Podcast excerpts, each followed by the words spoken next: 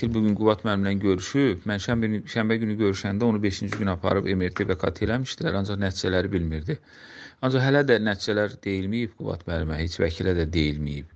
Amma bir e, təxmini belə bir şey deyilib, yəni konkret bir şey deyilməyib də deyib ki, L3, L4, L5 disklərində problemlər var da. Bu problemlər nədən ibarətdir? Onu deməyiblər. O ürəyindəki e, KT ilə də bağlı. Əslində o ürəkdə deyil KT, o kompüter tomoqrafiya döş qəfəsinin tomoqraf kompüter tomoqrafiyasıdır. Orada həm də ürəklə yanaşı ağciyər, bronxlar hamısı nəzərdən keçirilir.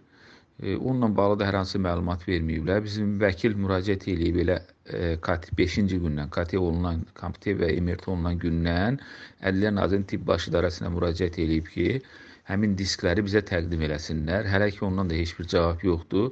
Ona görə hal-hazırda bizim konkret heç bir məlumatımız yoxdur ki, Qüvat müəllimin son müayinələri ilə bağlı ə, e, həkimlərin rəyləri necədir? Orada da vəziyyət elə olub ki, e, yəni tamam belə deyək, qanunvericiliyin tələblərinə zidd olaraq ə, e, yəni Qüvat müəllimin xəstəxanada qoluna qandal vurublar qandalla aparıblar. Eyni zamanda e, müayinə bitən kimi onu oradan götürüblər, yenə geri qaytarıblar. İmkan verməyiblər ki, müayinəni aparan həkimlə e, ünsiyyətdə olsun, nəsə soruşsun. Bütün bunlara görə bizim hal-hazırda hər hansı bir məlumatımız yoxdur ki,